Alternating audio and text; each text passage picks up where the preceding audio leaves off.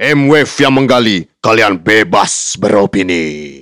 Halo, di sini Momi, Mama dan Dedi. Dedi. Siapa? Dedi mana ini? ini kan orang-orang pasti kayak gini. Eh, kalian Sugar semua ini siapa sih gitu? Ada satu Dedi terus ada dua ibu gitu. Jadi em, Dan kita memperkenalkan dulu. literally ibu-ibu dan dedi-dedi ya. Ibu Iya. aja, bukan bukan ibu-ibu. Sorry, gue gua nggak terima. By the way, gue perkenalkan dulu. eh, jadi gue Momi Bir eh, alias Ade Putri dan ada Eh, gue Indra 7 alias Bir Dedi. dan ada Gue Adita. Alias? Mama Bir. Mama Bir. Oke, jadi eh, kita bertiga dari Bir Gembira dan ini ceritanya lagi take over podcastnya M-Wave. Jadi didatengin nih di kantor Bir Gembira sama M-Wave tapi gue pikir lo kan nggak mungkin ya mau rame-rame udah kita aja deh kita aja Kantor. ngobrol bertiga. huh? Emang Bir Gembira ada kantor? ceritanya kantor orang juga sebenarnya kita nebeng. Gue pikir selama ini Bir Gembira itu bar loh. Oh oke, jadi bagus nih eh, karena orang-orang kan emang sering banget salah dipikir Kita jualan bir. jualan bir eh, bir house ini di mana sih tempatnya gitu. itu sering terjadi tuh nanya di Instagram, bro, jual bir apa nih? Oke, jadi sebenarnya mungkin kita perlu jelasin bir gembira apaan sih? Bir gembira itu sebenarnya kita eh, bertiga bikin pertama kali launching tanggal 7 Mei 2015 ya, Di Bir Garden Kemang. Mm-mm. Tempatnya aja di Bir Garden Kemang, intinya Itu udah bukan lima kita. tahun yang lalu ya? Yes, hampir Wow. lima tahun yang lalu. Dan emang tepatnya lima tahun lalu kita sebenarnya udah udah. Berarti kalau anak tuh udah toddler Aman. tuh. Eh, yoi. Udah mulai bandel-bandelnya mulai nanya boleh nggak ngebir. Jadi Bir Gembira ini sendiri adalah sebuah media yang kita buat eh, awalnya tuh dari gini cerita singkat. Gue sama Adita kan dulu teman ngebir sama sih sama Indra juga lah. Terus pada suatu hari eh, gue sama Indra diundang ke sebuah acara. Enak kan ya waktu itu? Enak kan ya? eh, beer tap gitu, Beer tap. eh, workshop. Terus kita yang kayak gini gila. Kita pikir kita minum bir setiap hari, udah ngerti segala macam. Ternyata tidak. kita nggak tahu apa-apa. Banyak salah kaprah ya ternyata. Iya, terus habis itu pas ketemu sama Adita, kita lagi ngomongin eh gimana ceritanya kalau kita bikin media yang ngomongin soal bir nih. Ceritanya kayak seru-seruan. Ya kan tadi kan kita pengen bikinnya bahkan open blog ya. Jadi semua orang Bisa- bisa bisa nulis. bisa ngasih tulisan. Dan karena waktu itu kan kita apa ya agak kesusahan nyari nyari eh, portal atau website yang bahas bir dan bahasa Indonesia gitu yang Emang karena nggak ada. ada, emang Nah, lebih nggak ada aja selalu bahasa Inggris bahasa Inggris bahasa Inggris gitu. Iya. Iya. Habis itu kita akhirnya mulai bikin dan kebetulan itu kan berarti uh, online pertama awal 2015 ya. Terus kita launching Mei itu. Nggak lama dari situ itu juga pas lagi ada isu yang lumayan gede yaitu bir tiba-tiba dilarang di minimarket. Yes. Sehingga waktu itu gue juga pernah diinterview orang, eh, orangnya nanya gini, ini lu sebenarnya diciptakan untuk counter itu ya? Kayak, oh I wish, gila serius banget. Jadi kayak semacam tiba-tiba ada counter counter yang. Iya, padahal kita sebenarnya waktu kita bikin itu kita nggak tahu akan ada peraturan yang kayak ya gitu. Permendak nomor 6 tahun 2015 waktu itu. Iya, jadi waktu itu lumayan eh, rame ya karena orang-orang jadi wah terus gue beli bir di mana dan memang seiringnya dengan itu itu bukan cuma di Jakarta tapi di berbagai kota besar kecuali di Bali. Bali, ya. Bali menentang karena eh, sebagai tempat yang pariwisatanya sangat berkembang, kalau lo cut alkoholnya otomatis habis juga Habis. eh, turismenya mati gitu. Dan Terus- itu waktu itu sempat iya maksudnya apa ya? Ya heboh karena lu terbiasa gampang untuk dapat dapat bir, Mhm. tiba-tiba yang lu di cut tek, bingung lu nyari bir sebenarnya Tapi waktu itu sempat nggak langsung dikat lagi. Sempat ada kayak rak rak buat naro bir ya dulu sempat kan? yang ditutupin apa kayak kayak stiker gitu ya. Iya. antara ada dan tiada lah. Intinya kayak waktu itu di zamannya Twitter masih ramai banget Ah. ya. Ah. Twitter jadi ngebahas, eh di circle kayak mana nih yang jual gitu atau zaman dulu 7-Eleven yang mana gitu. Iya. Akhirnya eh, mulai even Sama di kita jadi kayak call susah. center, banyak yang nanya kan ke kita. Oh bener, jadi orang-orang kayak Iya. ini mulai eh, salah kaprah nih. Sebenarnya kita mau bikin media, kenapa orang-orang jadi mau beli bir di kita, nanyain ini itu, tapi ya somehow ini kan akhirnya jadi seperti komunitas yang akhirnya terjadinya orang-orang eh, mulai kalau ada apa pun soal bir, lo tanya aja sama bir gembira gitu. Nah terus eh, misalnya ngebahas bir gembira, jadi ngerjain apaan aja sih? Kita itu eh, selain ada website, terus semua sosial media, kita sendiri juga bikin event-event workshop gitu ya, Dit ya. Ya. Jadi kita bikin eh, pakai namanya Let's Bir Gembira. Itu event-event itu bisa berupa kayak beer tasting event. Ada yang kayak Beer jalan-jalan, jalan-jalan ke brewery, brewery tour gitu. Tapi kita yang organize. Terus ada selain beer pairing, oh beer tapping, Bir Bir tapping. tapping. bikin beer cocktail. Mm-mm. Bahkan kita sempat juga tour eh, dari selain Jakarta kan biasanya yang udah-udah kita Jakarta terus Surabaya eh kalau mana Surabaya ya. kita Surabaya ke dan Surabaya, Bali. Jogja sama Bali. Dan itu juga ternyata antusiasmenya oke banget ya. Maksudnya Hmm. lu ngelihat waktu itu yang terutama di Jogja, seingat gue kita tuh Wah itu workshop- parah sih. Workshop itu harusnya Kita- limit itu 30 hancur orang. sih. Sorry, limit, harusnya- limitnya 60 orang, tapi eh, Yang datang it- over yang datang capacity. 120 hanya untuk workshop. Itu Tapi di luar malam, partinya. malam itu seru banget sih. Seru banget. Kayaknya Jadi- itu salah satu acara bir gembira paling seru deh. Ya, jadi eh, itu padahal lagi hujan banget, tempatnya juga nggak Iya. terlalu besar. Dan gue udah bilang, boleh aja sih ikut workshopnya, tapi lu nggak akan kelihatan karena tata letak ruangannya tuh kayak banyak sekat-sekat gitulah gitu. Dan mereka nggak peduli. Dan mereka stay sampai malam sampai eh, partinya, ya dan itu lumayan chaos gitu. Tahu batasnya lah. tahu batasnya. Jadi eh, ini sebenarnya adalah hal yang batasnya. menarik ya. Eh, ngobrolin soal tahu batasnya. Apa sih tahu batasnya? Tahu batasnya itu adalah eh, Itu campaign kita, Campaign kita yang kedua. Kedua. Jadi eh, waktu itu kan sebenarnya dibuat untuk supaya kayak sebenarnya ngingetin kita masing-masing dulu Iya, ya. karena Kayak, sebenarnya kita, guys, kita dulu juga nggak tahu batasnya ya. Itu kan masalah umur aja ya. Yes. Makin ke sini kan Jadi kayak hmm, Nora ya ternyata. Kok Nora ternyata, ya? eh, eh, kok kita orang Nora? deh. Iya iya benar. Jadi eh, waktu itu kita bikin video, kita interview beberapa teman dan beberapa orang yang eh, berpengaruh lah di lingkungannya gitu. Kita nanyain soal si tahu batasnya ini karena kan eh, sering sering kali ya sama gue, Adita sama Indra juga kadang-kadang kita pasti pernah nggak tahu batasnya. Tapi bermodalkan itu kita jadi tahu bahwa kita bisa kasih tahu orang. Kalau lu nggak pernah nggak tahu batasnya, Terus kita ngasih sosok suka ngasih tahu. lu siapa sih gitu. Sosok preaching itu siapa? Justru makanya gue tuh pernah beberapa kali misalnya diundang ke sebuah universitas untuk ngasih eh, kayak oke kasih tahu tentang tahu batasnya nih. Mereka itu si anak-anak kuliahan ini jadi lebih dengerin karena kan dia nanya kenapa lo bikin kayak gini. Gue bilang iya karena gue pernah mengalami hal Sorry. yang tidak baik. Wah gila udah gelegean aja. Masuk angin apa kenyang bro? Angin, maaf ya hujan di luar. ya jadi eh, ngomongin soal kayak eh, kenapa sih harus kayak gitu? Karena gue pernah mengalami hal yang tidak baik Ya. dan gue tidak mau lo semua mengalami hal yang sama. Ya. Jadi eh, campaign tahu batasnya ini sebenarnya luas banget. Bisa bukan cuma soal makanan, soal minuman, macam-macam kegiatan Sampai apa pun. pun Lo harus tahu juga. batasnya. Iya intinya hidup kan balance. Lo harus tahu batasnya. Selain si campaign itu sebenarnya campaign pertama kita dulu ada penikmat Penikmat bir, bir bukan kriminal. kriminal. Nah kenapa tuh? Nah itu, Oh, itu oke. ada ada ada ada ada ada itu ada tuh kenapa ada yang diserang soalnya. Oke, jadi gue cerita ya, eh, itu si campaign itu emang wakti itu kan kita bikin gara-gara di sebuah acara TV, eh, TV yang terkenal lah gitu, Metro TV tepatnya. Ada anggota DPR yang diwawancara dan mereka bilang sekarang naiknya angka kriminalitas itu gara-gara orang-orang tuh minum bir, specifically ngomong bir bukan alkohol. Nah.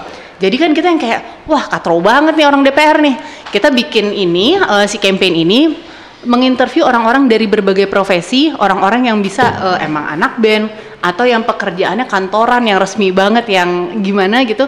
Mereka semua eh, penikmat bir, tapi mereka bukan kriminal. Nah itu juga sebenarnya salah satunya eh, karena juga gue pernah diserang sama boleh sebut nama Fahir Idris. Em, jadi jadi e, diserang karena konon katanya gua ini mengajari orang-orang untuk minum bir. Padahal gue kasih tahu. Pertama dia salah, dia pikir ini semacam beer house. Gue bilang, "Oh, maaf, makanya Mbak baca dulu dong." gitu. Coba lihat kita tuh apa. Terus dia baca. Terus dia bilang, "Oh, ini nih ngajakin orang-orang ngelihat eh, pabrik bir ke brewery kan."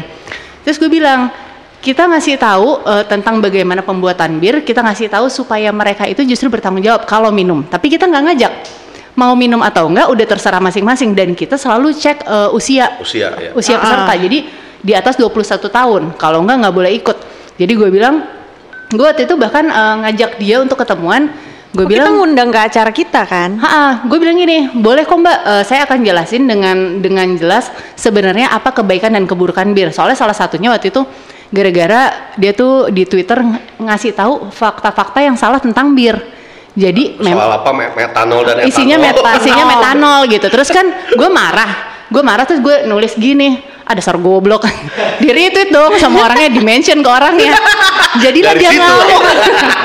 Tapi akhirnya jadinya ada ada media di mana kita sempat berbicara lewat Twitter itu dan gue sebenarnya menawarkan gini, lu kan followers lu banyak, lu harusnya bertanggung jawab sama apa pun yang lo katakan, bener nggak? Iya. Nah kita biar gembira karena kita punya hal-hal ini, kita tahu fakta-fakta eh, tentang bir. Jadi ayo kita ketemu, lo share. Gue yakin kok followers lo tetap nggak akan minum bir anyway. Iya dong. Iyalah. Terus dia marah, dia bilang nggak usah, saya udah tahu. Whatever. Whatever. nah sekarang eh, mungkin kita langsung eh, ceritain aja. Sebenarnya bir itu apa sih kan orang-orang suka nanya. Bir tuh apa sih? Indra kali mau cerita. Kalau misalnya Wah, kayak kalau sejarahnya sih panjang sih ya. Maksudnya bisa dibilang bir itu salah satu minuman ter, salah satu minuman tertua juga di dunia gitu. coba ditemukannya di mana? Di Mesopotamia, tahu nggak lo semua di mana? Mesopotamia itu sekarang dikenal sebagai apa? Iran. Ternyata kan di Timur Tengah nggak ada yang nyangka loh. Iya. Iya kan? Jadi itu sejarahnya apa ya kalau gua kalau gua nggak salah itu lima lima lima ribu tahun sebelum masehi. Iya. Kalau gua nggak salah ya. Itu juga ditemukannya kalau nggak salah nggak sengaja juga. Dan Jadi, zaman dulu itu yang minum bir rata-rata wanita. iya. Iya. Yes. Jadi eh, itu eh, ada ada cerita yang kita yang paling banyak beredar Ah. adalah tidak sengaja ketika eh, Orang lagi apa? mereka sebenarnya lagi, Lagi fermen roti apa? fermen roti tapi ternyata bocor. Dia ah, tapi itu ke- bocor apa, jadi ada tetesan air. tetesan air sehingga terjadi fermentasi dan akhirnya adalah si bir itu. Itu salah satu yang ada. Habis itu tentunya berkembang. Dan, kenapa ya dan kenapa orang pada zaman itu lebih memilih bir? Karena di- dipercaya eh, apa si hasil fermentasi itu jauh lebih steril, bukan steril, Iya. jauh lebih menyehatkan dibanding kalau lu minum air biasa.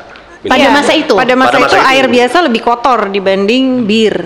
Ya, jadi makanya memang sampai sekarang di beberapa negara kayak negara asalnya Adita, gila Adita tuh gue impor dari Ceko.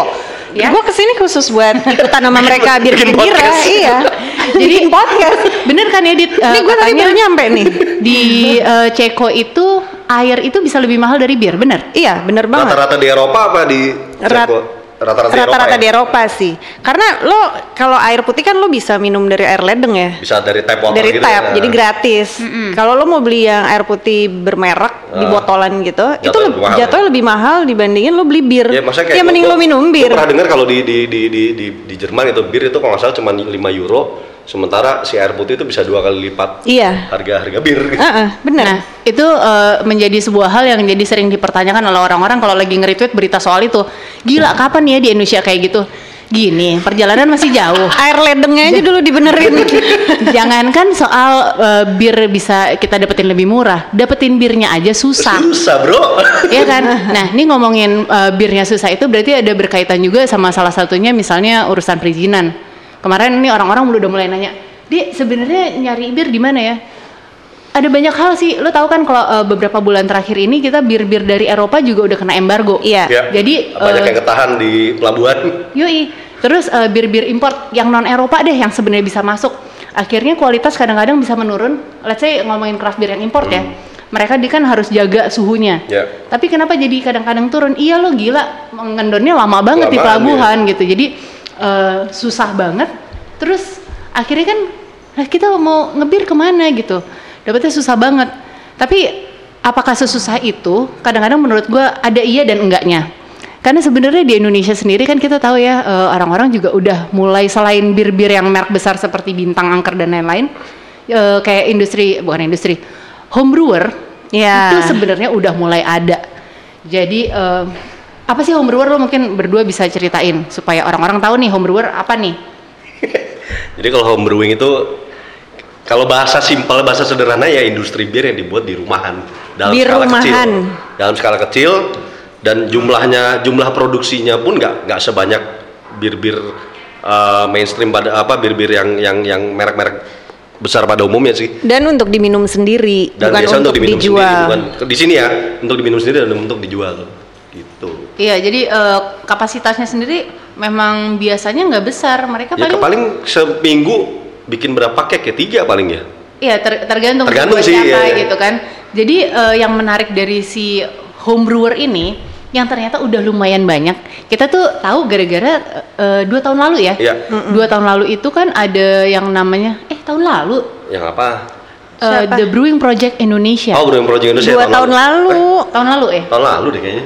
Oke, ingat intinya gue lupa ya, pokoknya udah ya kita kita tidak ber- berdebat soal kapannya, tapi intinya waktu itu jadi Bir. Gembira bekerja sama dengan eh, Birvana sebuah perusahaan importir craft beer. craft beer, ya. Kita tuh akhirnya bikin sebuah acara di mana kita membuat kompetisi ini bikin craft beer, tapi homebrewersnya harus orang Indonesia dan harus memakai salah satu bahan, Bahan lokal. dari- bahan lokal ya. Dan itu menarik banget. Jadi pas eh, gua ngejuriin itu, gue ngelihat pertama juri-jurinya juga kebanyakan dari Amerika. yang Memang license, jadi mereka punya license untuk menjadi juri gitu. Sementara kita yang dari Indonesia diajarin secara singkat apa aja yang perlu eh, dinilai gitu. Dan hasil-hasilnya yang menang sih waktu itu si Benson itu dia bikin Koko Pandan, Koko Pandan Nipa. Iya, enak Tapi banget tuh. selain si Koko Pandan Nipa itu ada beberapa submission yang masuk yang gue tertarik banget karena ada pakai kembang tujuh rupa. kembang Kevin tujuh bikin pakai kembang tujuh rupa. apa lagi tuh? Ada yang pakai dapur eh, apa apa sih waktu itu? Cengkeh ada ada. pakai ini kayak buat sayur asam apa namanya? Eh, ya itu apa Melinjo. namanya? Melinjo. kayak gila. Ini orang-orang ini jadi mari kita ngomong kalau bir itu tuh bukan cuma minuman yang kalau lu minum kebanyakan bisa bikin mabok. Tapi sebenarnya ini kan seni. Seni. Iya. ya? Lu, lu sama seperti misalnya eh, apa ya? Sekarang mixologist itu pada mencampur ini dan itu untuk menjadiin sesuatu minuman yang bukan cuma bikin lo mabuk. Ngapain kalau mabuk doang lo minum aja alkohol 70% kan kalau kata orang kampung gitu kan. Tapi ini di sini kayak mereka mencoba membuat sesuatu bereksperimen tapi nyari cara supaya rasanya tetap enak. Lu bayangin kalau minum air kembang tujuh rupa sih kan yang ajaib nih. Gue juga nggak tahu si Kevin kenapa ngambilnya dari situ. But begitu sampai di lidah lo jadi si bir ini, oh ini keren juga, menarik ya lo bisa bikin seperti ini gitu. Mentransformasikan bahan-bahan yang mungkin kita nggak nggak kepikiran untuk jadi Ah. minuman, ini bir pula gitu. Seperti juga si Koko Pandan Nipa, mungkin orang pada dasarnya mikir, oh itu kayak flavor bir ya, bir yang dikasih semacam sirup koko pandan. Oh, tidak semudah itu gitu. Jadi kan pas pas di situ tuh kita jadi ngelihat bahwa iya bir itu tuh seni banget. Iya. Dan kita bisa lihat bahwa di bir gembira eh, konten selama lima tahun ini nggak pernah ada habis-habisnya. Iya. Coba kita ngebahas soal apa aja sih yang pernah masuk. Itu misalnya kayak bir yang paling konyol-konyolan ya, yang paling sering banyak di retweet orang karena gambarnya selalu binatang. Eh, di luar negeri udah banyak bir yang dibuat untuk anjing. Tapi nggak ada alkoholnya kan? Iya. nggak ada alkohol ya tapi ceritanya apa biar si owner itu ada eh bisa ngebir bareng sama anjing Biar, gue biar, biar ada bonding bir. Yo sebenarnya memang ada ada maltnya jadi si birnya tetap ada bau-bau bir tapi nggak ada yang kayak oh ada- anjingnya mabok dong enggak tenang Mungkin aja tidak difermentasi saja itu. Nah, tapi kan ceritanya kayak oh ya Jus, jus jadi jus ya. jus gandum, Jus gandum. Dan ternyata itu sehat tau. Bir itu sehat kan nah coba lu cerita dari lu kalau nggak salah nyokap lu kan harus minum bir ya Iya nyokap gue itu eh, ginjal kan. Dan dokternya di Ceko itu bilang harus minum bir satu gelas satu hari untuk ngelancarin eh, pipisnya dia, oh, untuk buang air kecilnya. buang air kecilnya. jadi itu fungsi kesehatan salah satunya Iya. Terus eh, Ada lagi fungsi kecantikan juga. oh, fungsi Ada. kecantikan gue kan gue pernah tuh kalau orang-orang melihat itu bahwa gue cantik jelita seperti ini sampo bir. Si, Shampoo si, bir. si Mommy Bir nih kalau kalau pak kalian nggak percaya dia keramas pakai bir. Iya, mak- makanya rambutnya tebal banget kan. Pegang deh, pegang. ini ini beneran Kayak ijuk. Kayak ijuk karena terlalu sering pakai bir tapi beneran gue dulu pernah botak tuh di di atas gue ada ada botaknya gitu botak beneran botak terus jadi gue berhenti pakai shampoo dan untuk gantinya gue pakai bir Eh itu, kalau itu pakai apa sih bir yang Bir apa aja bir bisa. apa aja atau harus Bir apa aja? spesifik produk sampo tapi bir gitu? Enggak, pakai Eh, bir pun bisa. bir apa aja tapi kalau gue setelah gue mencoba berbagai bir stout tidak gue sarankan karena agak lengket-lengket ya Kan Tapi habis- lo harus tetap keramas lagi berarti kan? Maaf. Abis itu lo pakai sampo lagi. enggak eh, bilas pakai air aja Oh, kalau gue pakai sampo lagi. Terus udah gitu, nah Adita juga waktu itu lu pulang dari Ceko bawain gue eh, produk shampoo bir. Iya. Jadi shampoo yang memang diformalis eh, formulasikan dengan bir. Bahkan ada beberapa produk waktu itu gue sempat dikasih eh, Carlsberg. Carlsberg bikin ada lotion, shampoo sama conditioner dari bir. Jadi memang emang bahan-bahan dari bir itu sendiri ada banyak manfaatnya gitu buat badan. Ya si Adita kan juga pernah waktu dia mudik apa lo ke spa bir ya waktu itu ya? Bir spa. Mau cerita dong. lo kalau gue ngomong bir spa pasti lo mikirnya udah macam-macam ya. Tapi emang macam-macam kan? ah, enggak lah. Iya, Coba geng. makanya lo Iya, ceritain geng. supaya supaya nggak salah Nggak, karena gue kaprah. di sini gue kalau cerita sama orang yang kayak lo harus cobain bir spa deh. Hah, ngapain lo minum bir sambil spa gitu? Mikirnya udah yang ke mana-mana gitu. Ternyata memang beneran lo berendam di bir kan? Ternyata gue berendam sebenarnya bukan bir yang untuk diminum ya. Ah. Jadi dia uh, air anget tapi pakai semua ingredients yang ada di bir. Oke. Si barley, hops lah, apa itu semua. Nah, lo berendam di situ. Itu fungsinya sebenarnya untuk merileks uh, Relaksasi badan gitu. lo uh, relaksasi. Tapi di situ di kan itu kayak bathtub gitu ya. Nah di situ tuh ada ada tapnya, jadi lo bisa sambil, Sambil sambil minum? sambil minum. Oh. Ada yang dark beer, ada yang lager, jadi lo bisa pilih. Ya udah itu selama satu jam ke depan lo kayak gitu, terus yang uh, abis itu ya produk-produknya, abis itu kan lo mandi, produk-produknya juga yang terbuat dari bir gitu. Menarik sih menurut itu gue. yang lo beliin oleh-oleh gue berarti dari situ kan? Iya, Eh, by the way, cheers dulu lah kita. iya dong. Yuk. Nih Cheers. jadi eh, kita lagi dapet produk bir-bir Nasdravi. beraneka bir. Kalau bahasa Ceko Nasdravi. Nasdravi. Eh, thank you buat at saporostore.ind. Ini gue eh kita beda-beda ya birnya ya. Beda-beda.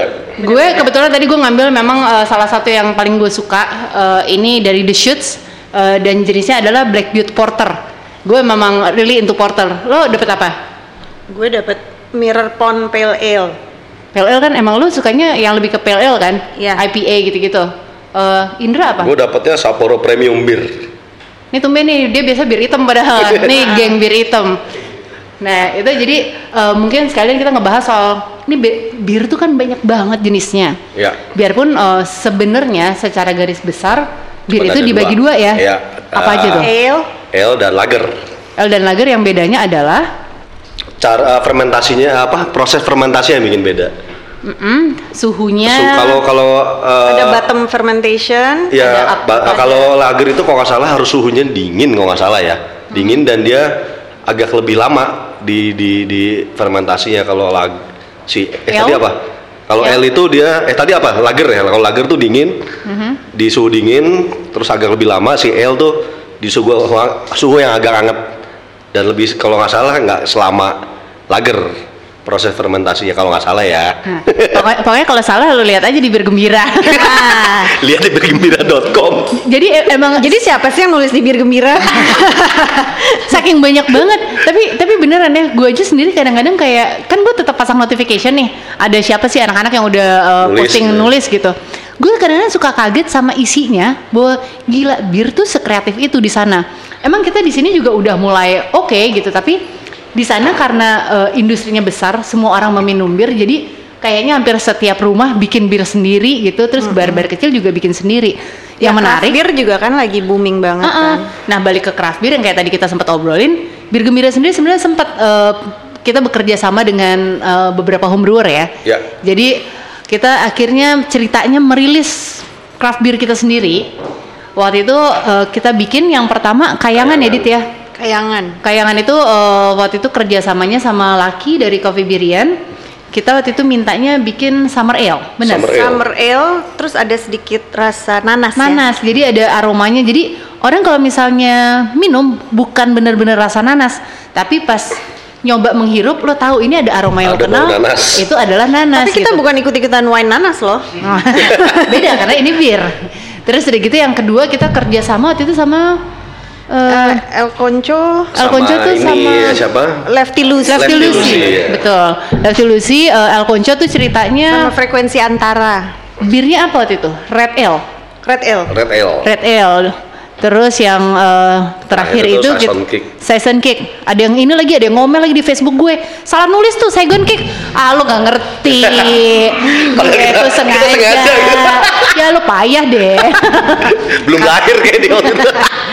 Jadi Saison Kick ini eh, kita ngajak kerjasamanya kan kalau sama El Concho itu sama Laki juga. Yang Saison Kick kita waktu itu ngajaknya Kota Hujan Brewery. Kota Hujan Nah, sama Kenny. Kenny ya. Hmm, jadi eh, kenapa sih sebenarnya si Bir Gembira bikin ini kenapa nggak bikin sendiri aja? Pertama kita memang pengen features orang-orang yang berkreasi emang pada dasarnya kerjaannya Kerjanya bikin bir. terus. Lu pernah nggak bikin bir, Dit? Enggak. Eh, Indra juga belum pernah. Belum. Nah, gue tuh pernah nyobain. Jadi eh, ada satu salah satu brewer cewek namanya Easy, dia ngajakin gue, lo mau nggak datang ke rumah bantuin gue bikin bir? Wah seneng banget tuh, gue datang udah bawa handphone apa segala macem buat Terus? ngerekam. Terus oke, eh, dek lo ngerebus ini, ngaduk-ngaduk. Seru, tiba-tiba gue lihat dia ngeluarin kertas nih ada ada kayak ini tau gak lo, formulasi gitu. Iya, kayak Ada- kimia. Ada, kimia angka-angkanya. Terus gue tahu, oke, mulai saat ini gue beli aja. Karena ternyata ribet, tapi gue jadi lebih appreciate. Lo tahu bahwa orang-orang ini bikinnya bukan asal. Mm-mm. Kalau Dan butuh waktu yang lumayan lama ya lumayan lama bikin itu. Eh, harus sabar terus udah gitu ada kemungkinan gagalnya juga jadi gue tuh nanya Dan sama lo harus Izzy rela kan, rumah lo akan bau. bau-bau bir gue sih suka ya Enggak, awalnya sebelum bau bir tuh akan bau yeast, Yeast, bau yang gandumnya Iya, gitu ya. tapi gue suka sih tapi memang nggak buat semua orang nggak enak sih awalnya baunya. Jadi waktu itu gue tanya sama si Izzy ini, lo eh, bikin kayak gini sulit nggak? Oh iya, gue tuh sampai sekolah. Terus tentang ininya juga soal bir hitam, yang lo kan suka banget bir Oh hitam. suka banget gue. Kenapa Gue sih? tuh dulu ya, gue pikir bir hitam itu cuman stout. Tapi ternyata Gue juga. Iya kan? Sama. Iya. Makanya kita bikin bir gembira karena kita aja banyak nggak tahu. iya, ternyata ada dark lager. Itu gue tahu waktu gue brewery tour di Copenhagen. Dark lager ya sebenarnya kalau mau dibilang apa ya? eh ada bedanya antara dark lager dan stout sih. Kalau stout itu kan memang dia dia yang bikin apa? eh, pembakaran apa tadi suhunya di di di difermentasi dalam suhu yang Ya, dia lumayan ale, hangat, kan? ya, ale. Dan terus memang awalnya eh, si si stout ini eh, pertama kali pertama kali apa namanya? populer itu di Jerman. Gue lupa abad berapa, empat- 14 apa 16 gitu. Nah sebenarnya nama stout itu sendiri kan artinya eh, berani kalau bahasa Jerman. Cuman setelah ke sini ke sini si si si apa namanya si eh, maksud dari kata berani dari stout itu akhirnya berubah menjadi sesuatu yang keras. Karena memang eh, stout itu nggak nggak semua orang bisa sih karena memang dia agak pahit, agak-agak coffeeish Lo pasti minum pakai telur. Nah itu tuh yang yang yang yang banyak salah kaprah soal bir hitam sih sebenarnya kalau di sini tuh orang minum bir hitam dicampur telur bebek katanya untuk stamina. Stamina. Heeh. Iya iya gue gue inget soalnya. sih? Jadi zaman dulu nih, gue itu ketika masih eh, sama sama Superman is Dead kan eh, selalu ngasih riders pokoknya minta bir gitu. Ah. Bir satu krat bintang. Terus ada tiga tiga Guinness tuh buat gue sendiri. Ah. Nah si Aryan pas tahu gitu, misalnya kayak gila deh. Wah, lu buat ini lo, lu ya, minum Guinness. Malam ini mau sama siapa nih? gitu. Iya tai banget. Gue tadi nggak ngerti, tapi pas gue lihat ternyata ada stigma itu, stigma terhadap eh, bahwa bir hitam itu bir cowok. Terus emang buat ini. Dan tapi ya nggak- vir- vir- apa namanya? buat buat stamina buat, buat- buat- dan tapi nggak bisa disalahin juga sih karena memang memang bir hitam itu dari awal dari awal zaman dulu iklannya ada di Indonesia selalu machoism Karena kayak gitu-gitu jadi image-nya makanya makanya orang selalu meng- menganggap kalau bir hitam itu bir cowok bir mas-mas sebenarnya nggak juga Nah ngomongin Iya, bir hitam ya, enggak. misalnya misalnya kita ngebahas satu brand nih Guinness gitu. Gue kan dulu pas kalau lagi ke puncak beli bir kan di warung-warung gitu. hangat lagi bir Bir hangat, ha. Terus pas gue lihat Mau pakai es, Mbak? Nah, iya. birnya kok lebih enak ya. Pas gue lihat ini Guinnessnya buatan Malaysia. Terus gue langsung bandingin dong sama kalengnya gue lihat sama bir yang Guinness lokal.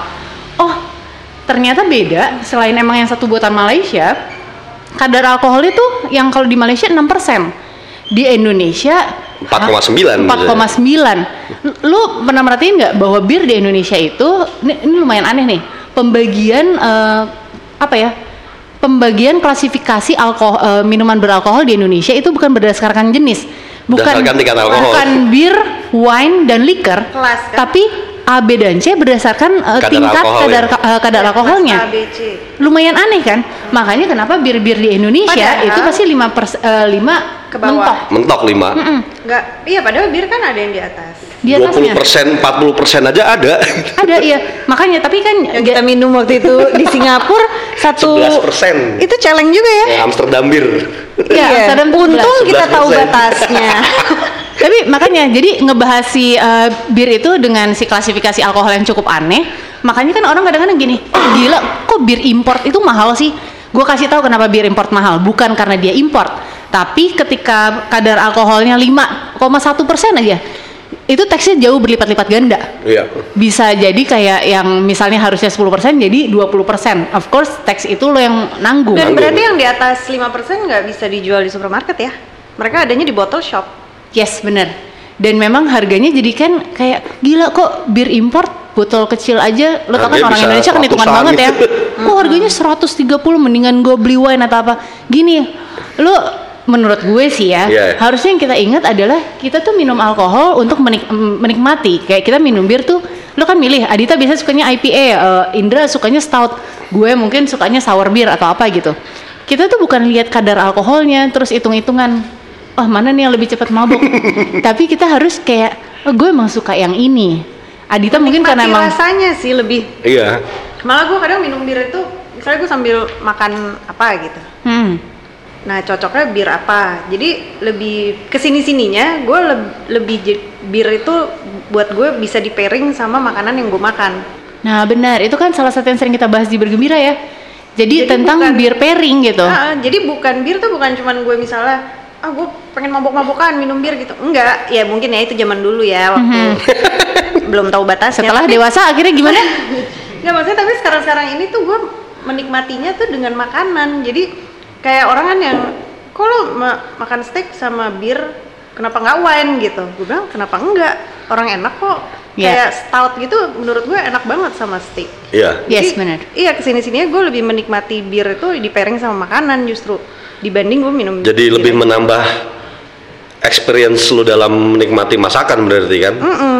Justru seninya di situ. Iya, jadi mungkin juga eh, teman-teman yang belum tahu nih kalau di Bir Gembira, selain kita emang suka bahas di eh, artikel dan di sosial media, tapi kita juga suka ini kan bikin eh, event beer pairing. Orang-orang tuh dulu langsung taunya tuh kalau oh beer pairing pokoknya intinya steak sesuatu yang makanan-makanan barat. Mereka nggak tahu kalau masakan Indonesia aja banyak Oh, bisa banget, banget. gitu Cocok yang bisa banget. di pairing dengan bir. Kita waktu itu pernah bikin ya yang eh, beer pairing dan masakannya masakan Indonesia. Indonesia. Tapi yang lumayan modern gitu Iya, yang udah iya. di twist gitu. Jadi orang-orang kayak, oh ternyata bisa ya, bisa. Lo aja selama ini kemakan bawa kesannya tuh cuma Hampir tuh bisa. harus bisa makanan impor, makanan luar negeri lah gitu. Ah, ah. Makanan Dan Eropa atau makanan dimasaknya juga kesannya kayak, oh cuma bisa buat jadi fish and chips, cuma bisa jadi beef stew, enggak juga. Banyak banget kita waktu itu sebenarnya ada video Bir Dedi masak puding. Oh iya. oh so cute. puding apa? Pakai Waktu itu lo bikinnya Pakai stout puding ya? coklat pakai stout Iya, itu iya. eh, enak banget sih. lo Bikin lagi dong, Dra. nanti ya. Ngom- ngomongin ini deh pengalaman pribadi dulu nih lu sebenarnya pertama kali minum bir kapan sih Ini nih pasti nih. nggak nggak apa-apa nggak apa-apa Nggak apa-apa ngomongnya dit. kan, kan di sini nanti kita akan ngasih tahu harusnya gimana dimulai dari contoh yang salah Gue ini jangan oke jangan dicontohin ya guys. ya ha? SD. dari SD karena nyokap lo orang Ceko lo di Tapi sana gue sebenarnya bukannya gue SD gue udah minum-minum bir gitu enggak. Tapi sih. nyobain. Lebih ke nyobain aja. Jadi emang eh, karena kan nyokap gue dari Ceko dan di sana itu emang culture-nya sarapan aja lu minum bir. Ya Ya. udah bagian dari culture itu kan. Iya udah sebenarnya. bagian dari culture dan waktu itu nyokap gue, gue penasaran aja sih kayak nyokap gue minum apaan nih, gue pengen nyobain. Akhirnya dia ngasih gue coba bir. Mm-mm. Ya Itu cuman berapa? kelas berapa? ya? Mungkin 10 tahun kali. Oh, kelas 5 lah ya. Eh, eh, nah itu gue juga cuman satu teguk dua teguk aja sih. Tapi lumayan kayak wow kayaknya Kayak- enak nih. Kayak langsung membekas tuh. Heeh. kalau lo gimana Ndra Gue SMA sih. SMA Heeh. pertama kali nyoba atau pertama kali nyoba sih. terus langsung suka nggak Su- Suka-suka aja sih gue. Tapi kan Karena- banyak yang awal orang pertama kali nyoba sebenarnya kayak gue nggak suka bir. karena waktu itu gitu karena kan. waktu itu apa ya lu SMA orang lagi nyobain semua lah lu minuman lo cobain semua substance lo cobain Hah? nah gua kayaknya kalau misalnya wah jadi kita ada se- sempat gue ingat batu kelas 1 SMA jadi kita ada ada ada ada nginep di rumah kawan gitu pada beli bir kan tuh wah apaan gitu ya? Gaya-gayaan lah pokoknya. Ya kayak gue belajar ngerokok aja SMA gitu kayak. Iya. gue SMP tuh bener-bener polos berat lah. Virgin lah ya. Gue mulai ya mulai mulai mulai ngera- mulai nyoba bir itu ya pas ketika SMA itu. Ketika gue nginep di rumah kawan gue dan bir yang gue coba itu pertama kali bintang. Oke. Nah, Kalau gue sendiri sih dulu pas pertama kali nyobain bir kayak yang nggak langsung suka sih. Entah kenapa gue malah lebih suka minuman-minuman yang kayak whisky yang mungkin menurut menurut gue berasa lebih keren aja gitu. nah iya itu karena karena keren kerennya itu kan Iya. Itu sementara lu Whisky gepeng. lu lu kalau nggak minum bir ah kemen lu iya. Nggak tapi mungkin karena pahitnya. Kenapa pahitnya? Nah, tapi akhirnya sekarang kalau misalnya gue tanya sama orang, lu suka bir nggak? Enggak. Gue selalu bilang gini, mungkin lu belum dapat bir yang tepat. yang tepat Ya. Karena ini kan yang tadi kita cerita, bir itu ternyata banyak banget jenisnya. Nggak mungkin lo nggak suka, pasti lo baru nyobain itu lagi itu lagi. Iya, karena- Pilsner lagi, pilsner lagi, lager lagi yang kurang lebih sama gitu. karena gue pun baru bisa menemukan enaknya baru maksudnya ketemu gue suka nih sama si stout itu kayak 2000 2000 awal 2000 lah 2002 2003 Oke. baru gue bisa wah ini ternyata gue lebih cocok di sini nih ketimbang si si lager atau pilsner gitu Oke. Nah, ngebahas soal kayak ini kan kita minum bir ke mana-mana, tapi kita udah pernah dong datang ke festival bir gitu. Eh, eh, lu pernah nggak sih Dit, datang ke kayak Oktoberfest atau apa gitu? Oktoberfest belum, tapi Aha. festival bir udah Di mana waktu itu? di Ceko. Kayak kayak apa sih kalau festival bir di sana? kalau di sana sih lebih ya kayak acara eh, seringnya tuh outdoor dan Mhm. summer. Jadi lebih kayak acara musik festival gitu yang atau spring kadang juga spring. Nah itu lo ngumpul-ngumpul aja kayak nonton musik apa dan di situ banyak stand-stand bir kebanyakan home brewer, eh, eh, craft beer dibanding bir-bir yang brand-brand besar ya. Ya udah jadi lo di situ dan harganya pasti jauh lebih murah dibanding kalau lo beli di bar atau di mana kalau di festival. Jadi kita bisa nyobain berbagai macam banyak bir lah intinya sambil lo nonton musik ya kayak gitu kalau di sana acaranya.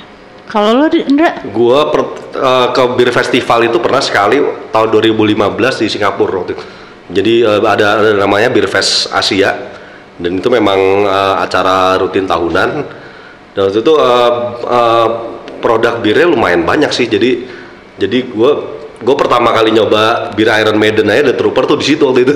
Oh ya? Ah. Sebelum akhirnya masuk sini ya? Sebelum akhirnya masuk sini nyobain pertama kali The Trooper di sana. Terima kasih Cila udah masukin. Terus ada banyak tuh ada ada apa? gue nyobain uh, Pilsner Ceko, gue lupa namanya apa gitu. Pilsner Urquell. Pernah Uruguay di situ dan itu kayak ada macam-macam dan lu bisa belinya tuh kayak lu 10 dolar, lu bisa beli tiga tiga tiga tiga tiga gelas tapi gelas kecil-kecil gitu deh. Lu bisa dapat tiga tuh. Uh, Kalau Seru gue ya. sendiri sih Dan dia waktu juga itu- ada kayak musik gitu kan? ada ada ada jadi acaranya tiga hari. Jadi ada musiknya, terus ada dan dan serunya lagi di di festival bir di sana tuh mereka tuh bener-bener dipikirin semua gitu sampai lu jadi disediain disediain ambulan khusus Oh iya, dan itu kursi roda kalau misalnya orang Udah orang kemabukan gitu kan. dan emang bener gue lihat ada orang Iya. kemabukan didorong sama kursi roda Iya iya iya. Kalau gue sendiri waktu itu eh, datang ke craft beer festival yang eh, di Adelaide kan, itu memang kebanyakan eh, apa namanya kayak industri kecil, macam-macam banget, semua air gratis, terus pembayarannya Semua semua, eh, air minum gratis. oh minum gratis ha. Ya, itu yang kalau menurut gue kita perlu pertimbangkan di sini gitu. Maksudnya eh, nggak cuma di festival, tapi harusnya di bar-bar itu juga kayak udah air air air, gratisin aja. gratis aja. gitu karena lu untuk meredam tingkat kemabukan. Di beberapa bar di sini udah ada sih yang menerapkan itu. Iya, tapi belum semua. Makanya kayak gue pikir nih harusnya eh, ada kayak semacam kewajiban gitu. Iya. Eh, lo for free. Terus waktu itu juga dikasih eh, gelang yang kayak kita bisa eh, nambahin kreditnya di situ. Lu bayar nggak perlu ngeluarin duit. Udah lu ribet Udah, orang lagi tap, tap, minum. tap, tap doang. Tinggal tap tap aja gitu. Itu makanya gue pikir harusnya nih kita kalau bikin festival, karena festival bir di Indonesia ngomongin eh, Oktoberfest ceritanya kan. Kalau lagi bulan Oktober semua bar langsung bikin Oktoberfest. Yang belum tentu ada Oktoberfest birnya. Jadi maksudnya aslinya signature birnya gitu Ah, maksudnya. jadi kan eh, harusnya Oktoberfest itu ada Oktober eh, Oktoberfest bir yang Ya. kalau di Indonesia kayak kita cuma ada di Polaner ya. Polaner. Iya. Nah, itu yang lain tuh belum ada. Jadinya cuma kayak oke, lo bisa minum bir eh, gila-gilaan dengan harga murah selama bulan Oktober. Padahal Oktoberfest bir itu bir yang khusus emang dibikin Diciptakan untuk itu untuk gitu kan. Oktoberfest. Dan itu Nah. alkoholnya emang lebih tinggi ya. Iya. Nah, tadi nge- ngebahas soal-soal perizinan itu ya eh, kayak eh gimana sih si bar itu kok bisa nggak sih ngasih ngasih ngasih air, ngasih apa gitu untuk ngejaga soalnya kan yang sering terjadi menurut gue jadi jadi bukan masalah perizinan barnya kalau kita lihat bar sih banyak di mana-mana. Tapi tanggung jawab orang-orang yang bekerja di bar. Kayak Lu ngeliat orang gitu mabok, misalnya. minum, nambah minum dikasih terus karena mereka tahu kalau misalnya orangnya makin mabok, Makin either amat, makin ngeluarin duit. ngeluarin duit, eh, tipsnya juga mungkin makin banyak. Tapi mereka peduli setan tuh orang nanti pulangnya kayak Selamatan gimana, si customer itu nggak dipikirin kadang-kadang. gitu ya. Jadi Kalau kayak di duck down dikasih air kok. Nah, bagus. Ma- maksudnya gue gue berharap eh, ini bukan cuma di satu atau dua bar, tapi udah jadi kewajiban. Kalau misalnya tempat lo mau buka, lo harus eh, sediain itu. Kalau bisa juga misalnya semacam CSR-nya bar, Ya. lo punya jasa untuk kayak ini mobil-mobil online ya. untuk nganterin pulang. Lo nggak boleh nyetir. Kalau di luar negeri udah banyak tuh jasa-jasa supir yang lo tinggal telepon bawain mobil gue. Itu kan harusnya kita di sini kan lo dapat untung, bar dapat untung dari customer. Kenapa nggak bar juga ngasih keselamatan untuk si customer Iya. gitu? Jadi eh, kalau kalau misalnya kita ngebahas eh, tanggung jawab itu harusnya bisa sampai situ sih. Eh waktu itu ngomong-ngomong ya, gue pernah nih lagi di Padang nyari bir. Pertama udah tahu kan, bir di Padang susah. Sekalinya ada itu dapat di mana? ada, eh tapi sebenarnya ada. Jadi orang-orang suka gini kan. di mereka hypermarket gitu. No, di Padang ada tempat ngebir keren banget. Beer Nah, house. Iya beer house, sumpah beer house-nya kece banget. Ah. Karena ada area yang memang area pecinan di sana. Oh, oke. Terus eh ini tapi waktu itu gue belum tahu si area itu, jadi gue cuma dapet di warung. Dapetnya Ah. brenget, tau brenget nggak lo? Apa tuh? Bir anget. Terus lo tahu nggak sih, masa di ditawarin mau pakai es nggak? Itu itu banyak banyak kejadian kayak Tapi gitu itu nggak ya. usah di Padang loh. Di sini aja di ada. Gue pernah di suatu bar yang gue nggak usah sebutin. Itu bar bagus ya. Hah? Mau Gua- pakai es, Mbak? Iya dia nawarin Bohong sampai gue gue marah. Gue marah maksudnya kok bir pakai es? "Eh, iya nih soalnya eh, belum terlalu dingin mbak. Eh, kita eh, baru datang birnya. Lo ajarin dong gimana cara ngedinginin bir. Coba pas gue ngeliat mukanya kasihan gitu ya udah dia nggak jadi marah. terus tetap pesen nggak lo? Tetap pesen tapi nggak gue pakein es. Tapi eh, jadi gue ngebahas sedikit ya soal yang si tempat di Padang itu. Jadi tempatnya namanya Batang Arau areanya. Ah. Terus nama nama barnya apa coba? Apa? Bad and Arrow. Beda bed BD apa BAD? Eh, kelelawar. Oh, Bad and Nah, jadi kelelawar dan panah. Panah. Tapi itu lucu banget karena tempatnya itu bangunan-bangunan tua yang eh, udah terbengkalai. Jadi sebagian nggak ada atapnya. Ya. Oh, Tempatnya kayak yang di Jogja banget. gitu. Kayak ya. kayak rustic-rustic gitu ya. Yang kita di Jogja apa namanya? Kayak tempat kita yang di Jogja, tap house. tap house. Tapi ini bener-bener area itu tuh kayak kota tua dan area pecinan. Jadi kece banget gitu. Masalahnya kan kita nggak pernah tahu kan kesannya kayak oh ini daerah sini nyari bir aja susah. Ternyata ada daerah tertentu yang memang karena di situ isi server-server. Eh, sebelum mereka pergi ke Mentawai, mereka tuh dari Oh, mereka sana dulu. Meeting pointnya di situ lah ya. Iya, jadi ini ada beberapa yang mungkin bisa gue simpulkan ya bahwa kayak lo tempat di mana harus ada turisme berkembang itu memang harus ada alkohol. Salah satunya kalau menurut gue yang paling casual ya bir aja gitu. Ya udah paling basic lah tuh Iya bir. basic. Masa kalau eh, hotel lo atau restoran lo nggak punya bir, tapi lo mencanangkan diri lo sebagai tempat yang oh ini eh, turis friendly, nggak mungkin nggak ada yang datang lah. Makanan lo mah pasti basi gitu. Cuma kalau misalnya ya lagi pula bir mau seberapa seberapa sih eh, orang minum sampai mabok kan Iya. gitu. Dan eh, lagi juga yang mungkin gue bisa simpulkan adalah bahwa lo harusnya menganggap bir ini sebagai sebuah minuman yang bisa dinikmati, bukan sarana menuju permabokan Bukan. gitu. Ya sebenarnya bir Yes. itu ya sarana untuk rekreasi aja sih. Ketika lu lu ya apa pun itulah bir ataupun apa, lu sudah di konsep rekreasi udah sudah berubah lu lu dikendalikan oleh si si si, si bir ya. Lu udah alkoholik sih namanya. Iya, jadi salah. Gue waktu itu setuju sama uh, kalimat Indra uh, pas lagi kita bikin salah satu video campaign itu lo bilang gini, tenang aja, even kalau lo nggak minum pun lo tetap cool. Jadi jangan lo berpikir bahwa wah kita main sama bir gembira nih, jadi harus ngebir terus nggak lagi biasa aja. Kalau lo lagi nggak Kita mau kita manis, nggak sesnob itu kok. Tenang aja. jadi kita juga bukan yang kayak langsung kayak oh oke. Nih Bir snob, a- bir snob. bir snob. mentang-mentang anak bir gembira udah kenal craft beer jadi nggak mau minum-minum bir bintang atau angker. Enggak kita sih biasa aja. Jadi enggak karena ini ini sering terjadi nih. Orang-orang langsung kayak wah gila mbak masa lu minumnya masih bir-bir minum merek apa lah gitu. Ya mereka itu tetap bir gitu. Dan ketika gue suka craft beer tapi kalau misalnya lagi liburan di pantai aja kan kita kayak ya udahlah yang santai aja. Kalau Iya. ada lager lager aja yang penting dingin dan sama teman-teman gitu jadi eh selain itu mungkin lainnya kalau misalnya lo mau cari tahu eh, segala macam tentang bir bir yang aneh-aneh eh, bir yang dibuat dari granit bir yang ada usianya ratusan tahun entah bir apa lagi pokoknya fakta-fakta bir yang kadang-kadang kita bertiga aja suka kayak nggak tahu itu eh, lo bisa langsung eh, cari di eh, website kita kita ada di eh, www.birgembira.com dan eh, Instagram @birgembira, Twitter juga @birgembira. Di Dan Facebook, Facebook page. kita ada ada Facebook page dan ada Facebook Facebook group. Jadi kalau di Facebook group itu kalian misalnya punya bar atau misalnya Bisa mau promo nanya-nanya, situ, atau ha-ha. bisa bisa interaksi dua arah kalau diisi sangat Facebook group. apa pun tentang bir boleh Mau disampaikan lucu-lucuan di gitu. situ. Ah, boleh lucu-lucuan, jangan serius-serius amat lah ngapain sih? Udah pakai bir juga masih serius banget. Please nggak usah kayak gitu. Eh, nah, oh ya sama next event bir gembira kapan? Ya ada sih, eh, tapi kan kayaknya nggak lucu kalau kita kasih tahu di sini ya. Jadi Soon. Jadi sebenarnya kita kan mau lagi eh, mencari followers. Lo follow aja bir gembira ntar juga tahu kok. Jangan lupa tuh di follow Instagram, terus di subscribe di webnya. Oh ya, sama nonton video-video kita di YouTube ada Ya. Oh, ada video-video masak, ada vlog, vlog nggak jelas nggak jelas gitu ya namanya juga ada birnya ya kan. Terus sekali lagi terima kasih buat at untuk supply birnya hari ini. Menyenangkan, Yeay, thank you. thank you. Thank you juga untuk. Cheers. Thank Terima you, kasih sudah mau kita bajak.